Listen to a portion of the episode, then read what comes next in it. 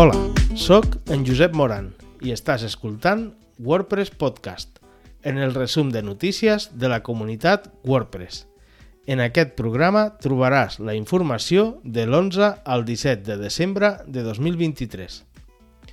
El passat dilluns 11 es va reunir la comunitat WordPress per assistir a l'State of the World 2023, que per primera vegada ho feia fora dels Estats Units i va triar Espanya com a primer lloc global. Matt Mallenberg va començar fent una revisió del 2023 amb el 20è aniversari de WordPress com a punt de sortida.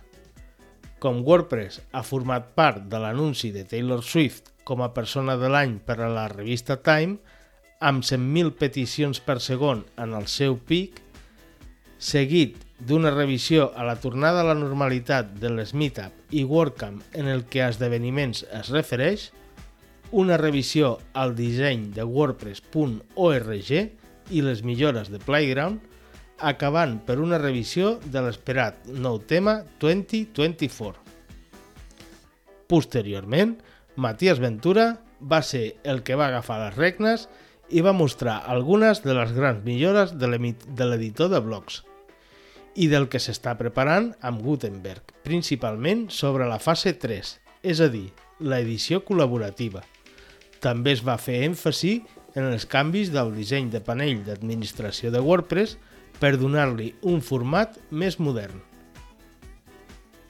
La Interactivity API i les Fields API, previstes per a WordPress 6.5, van ser dos dels elements més destacats del que en un futur WordPress permetrà i de com el rendiment de WordPress i de l'editor s'està tenint en compte en cadascun dels passos. Un altre dels projectes que es van destacar va ser el Data Liberation, una de les novetats de l'esdeveniment, gràcies a la qual serà molt més senzilla la migració de dades tant de WordPress cap a altres gestors de contingut com a l'inrevés, d'altres eines cap a WordPress. Un dels darrers anuncis va ser el de la WordCamp US 2024, que serà a Portland, Oregon, a mitjans de setembre. Abans d'acabar l'esdeveniment, va començar la ronda de preguntes i respostes, també disponible al lloc web del projecte. En el State of the World van aparèixer dues grans sorpreses per a la comunitat. La primera d'elles va ser la pausa del projecte de migració de Slack a Matrix, que just s'havia anunciat un parell de setmanes enrere. Hi ha dues causes principals, una d'elles ja coneguda i en fase de millora, que és l'accessibilitat de les eines. Alguna cosa amb la qual Slack ha treballat molt, però en Element no. L'altre, i potser més important, és el canvi unilateral de Matrix de la seva llicència a AGPL i la firma d'un Contributor License Agreement, CLA, és a dir, un contracte per a poder contribuir en el projecte. L'altre, i que va causar molt enrenou, va ser l'ús de l'Slack global per a jutjar canals de les comunitats locals. Encara no està clar quin serà el procés, però és un primer pas perquè tota la comunitat estigui centralitzada en un únic lloc i sota el paraigua d'una única eina i sistema d'accés. Però no són els únics anuncis que hem tingut aquesta setmana. Després de diversos mesos de treball, s'ha anunciat la nova pàgina d'esdeveniments WordPress a event.wordpress.org.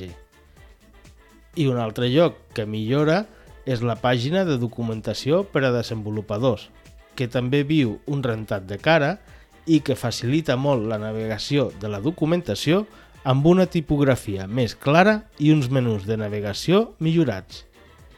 I pel que fa a traduccions, també tenim millores. La primera és la previsualització en temps real dels patrons mentre es tradueixen de manera que es pugui comprovar tots els textos en la seva versió final. L'altra és la priorització d'idiomes relacionats, que mostra d'una manera més ordenada les traduccions semblants en quant a format i semàntica que si s'ordenessin alfabèticament, Podem prendre com a exemple les cadenes aprovades en altres idiomes. L'equip de temes ha afegit una sèrie de regles per a les pantalles d'aterratge i de configuració dels temes de bloc. Tots els missatges que s'hagin de notificar es faran mitjançant l'admin notices. Els temes podran afegir submenús a la pestanya d'aparença fent servir el disseny estàndard de WordPress i les funcions corresponents. Això també és aplicable a la forma d'emmagatzemar les dades. N'hi ha tres elements importants que no es permeten. Importació de continguts de demostració, trucades externes o seguiment d'enllaços d'afiliats.